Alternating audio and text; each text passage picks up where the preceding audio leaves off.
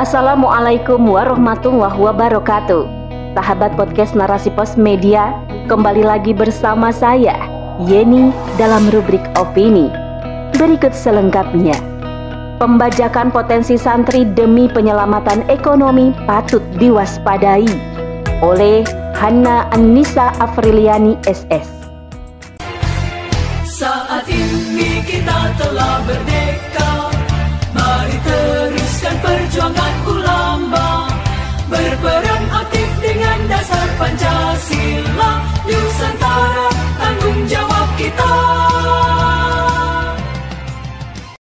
Begitulah penggalan lirik lagu Hari Santri Nasional pada 22 Oktober kemarin menggelorakan semangat juang dan bakti kepada negara.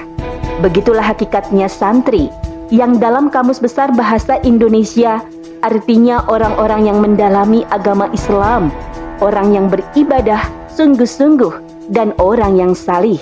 Maka sudah menjadi tugasnya lah membangun negara dengan segala potensi yang dimilikinya. Tentu saja hal tersebut sejalan dengan ajaran Islam yang agung yang memerintahkan untuk umatnya berjuang melakukan amal salih dalam kehidupan, termasuk menjadi penegak kebenaran di tengah umat. Ya, jika dalam lirik lagu tersebut ada seruan untuk melanjutkan perjuangan para ulama, itu artinya santri diharapkan mampu menjadi corong-corong penyeru syariat Islam di tengah umat serta pion-pion perubahan yang akan senantiasa menjadikan akidah Islamiyah sebagai napas geraknya. Namun sayangnya, esensi peran santri tergerus ambisi sistem kapitalisme yang saat ini diterapkan. Potensi kaum santri dibajak demi penyelamatan ekonomi kapitalisme. Sebagaimana diberitakan oleh fifa.co.id bahwa pada peringatan Hari Santri kemarin yang digelar secara virtual, Presiden Jokowi memberikan sambutan yang berisi harapannya agar lebih banyak bermunculan para wirausahawan dari kalangan santri untuk menggerakkan perekonomian yang inklusif. Dalam sambutannya juga Presiden Jokowi mengulas terkait pertumbuhan ekonomi syariah di Indonesia yang kian merangkak naik. Beliau mengutip data dari State of Global Islamic Economic Indicator Report yang menyebutkan bahwa peringkat ekonomi syariah pada tahun 2020 berada di peringkat keempat dunia. Dengan alasan itulah pada akhirnya di momen Hari Santri, pemerintah menggelorakan semangat santri untuk menghidupkan perekonomian bangsa. Hal tersebut senada dengan apa yang disampaikan oleh Abdul Halim Iskandar selaku Menteri Desa, Pembangunan Daerah Tertinggal dan Transmigrasi atau Mendes PDTT yang menyatakan bahwa kaum santri memiliki peran besar dalam menggerakkan ekonomi desa. Beliau juga mengungkapkan bahwa keberadaan pondok pesantren yang sebagian besar berada di tengah-tengah desa mempunyai arti penting secara spiritual, sosial, dan ekonomi bagi warga desa. Peringatan Hari Santri Nasional 2021 telah diperingati pada tanggal 22 Oktober lalu.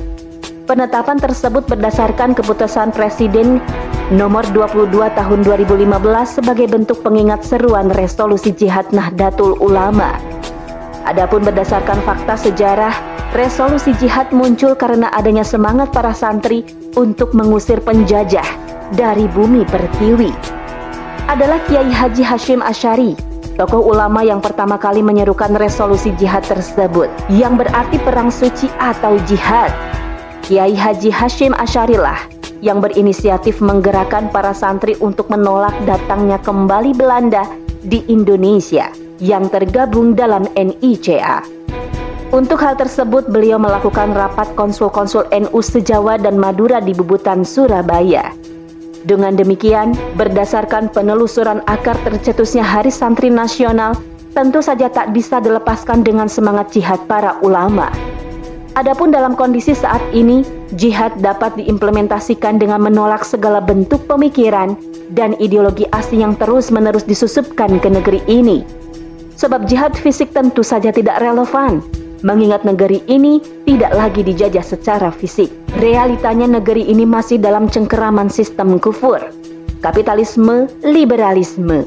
Padahal sejatinya Majelis Ulama Indonesia telah mengeluarkan fatwa keharaman paham sipilis, yakni sekulerisme, pluralisme, liberalisme, dan komunisme pada Musyawarah Nasional ke-7 Majelis Ulama Indonesia pada tahun 2005 silam Namun paham tersebut nyatanya masih diadopsi oleh negeri ini.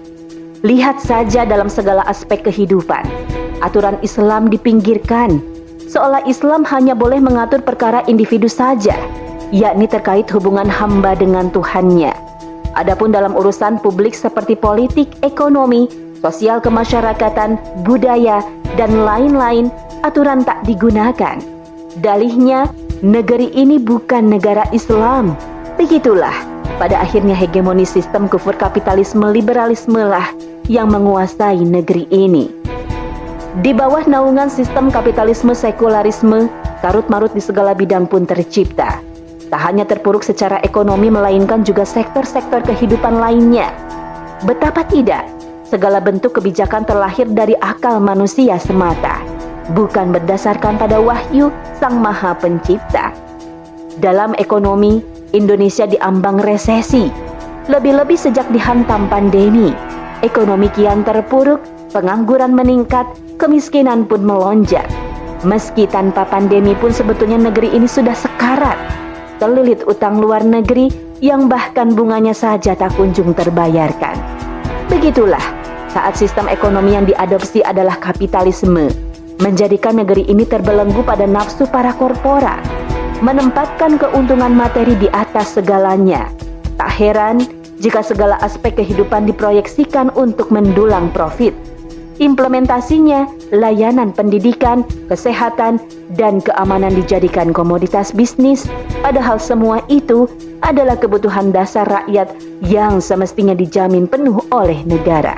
Atas nama penyelamatan ekonomi akhirnya berbagai kalangan dirangkul menjadi penggeraknya, termasuk para santri. Padahal jelas hal tersebut akan menggeser peran utama santri sebagai penerus perjuangan para ulama. Sebagaimana terefleksi dalam revolusi jihad yang tidak dapat dilepaskan dari lahirnya Hari Santri Nasional. Dengan demikian, pembajakan potensi santri demi penyelamatan ekonomi selayaknya diwaspadai santri seharusnya berperan besar bagi tegaknya sistem Islam dalam kehidupan, mengempaskan segala bentuk penjajahan pemikiran dan ideologi atas negeri ini, serta menjadi corong bagi tersuarakannya Islam sebagai satu-satunya sistem kehidupan yang layak diterapkan dan ditegakkan dalam sebuah institusi. Khilafah Islamiyah. Ingatlah bahwa hakikatnya tugas para santri bukan sekadar menghafal dan mempelajari Al-Quran, melainkan juga mengamalkannya dan mendakwahkannya. Adapun mengamalkannya tak hanya dalam lingkup individu, tetapi juga lingkup masyarakat dan negara. Jika saat ini kondisinya negara berasaskan sekularisme, maka menjadi tugas santri dan seluruh kaum muslimin untuk berjuang mengembalikan kehidupan Islam demi terciptanya baldatun toyibatun warobun gofur. Jadi, jangan sampai potensi santri terbajak ambisi kapitalisme sehingga mengikis idealisme dan militansi perjuangannya untuk mengembalikan sistem Islam yang agung. Wallahu a'lam bisawab.